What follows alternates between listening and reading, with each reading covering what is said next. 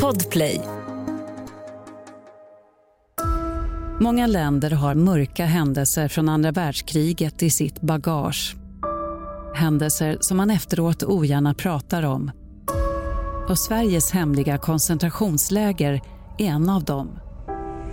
Den gripne får aldrig någon rättegång eller ens veta varför hen har blivit dömd utan blir istället direkt skickad till ett av de hemliga läger som finns runt om i landet. Mörkläggningar, orättvisor och skandaler.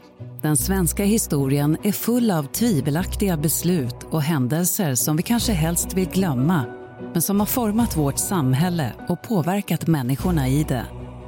I den andra säsongen av Sveriges mörka minnen kommer vi att berätta om några av vårt lands mörkaste hemligheter och återupptäcka de händelser som på gott och ont har påverkat Sveriges historia.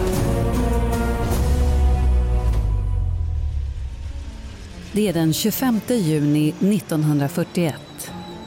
Ett tåg bromsar in på järnvägsstationen i Charlottenberg i Värmland. I en av vagnarnas fönster syns uniformerade män. Det här är nämligen ett av de 106 tåg som de närmsta veckorna ska transportera 14 712 beväpnade tyska soldater genom Sverige.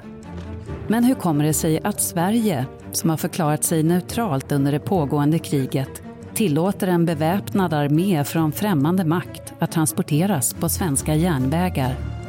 En främmande makt som till synes är långt ifrån klar med sina erövringar. Sveriges mörka minnen hittar du på podplay.se eller i appen Podplay. Podplay, en del av Power Media. ett poddtips från Podplay. I podden Något Kaiko garanterar östgötarna Brutti och jag, Davva, dig en stor dos skratt.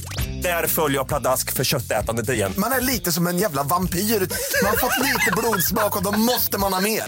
Udda spaningar, fängslande anekdoter och en och annan arg rant.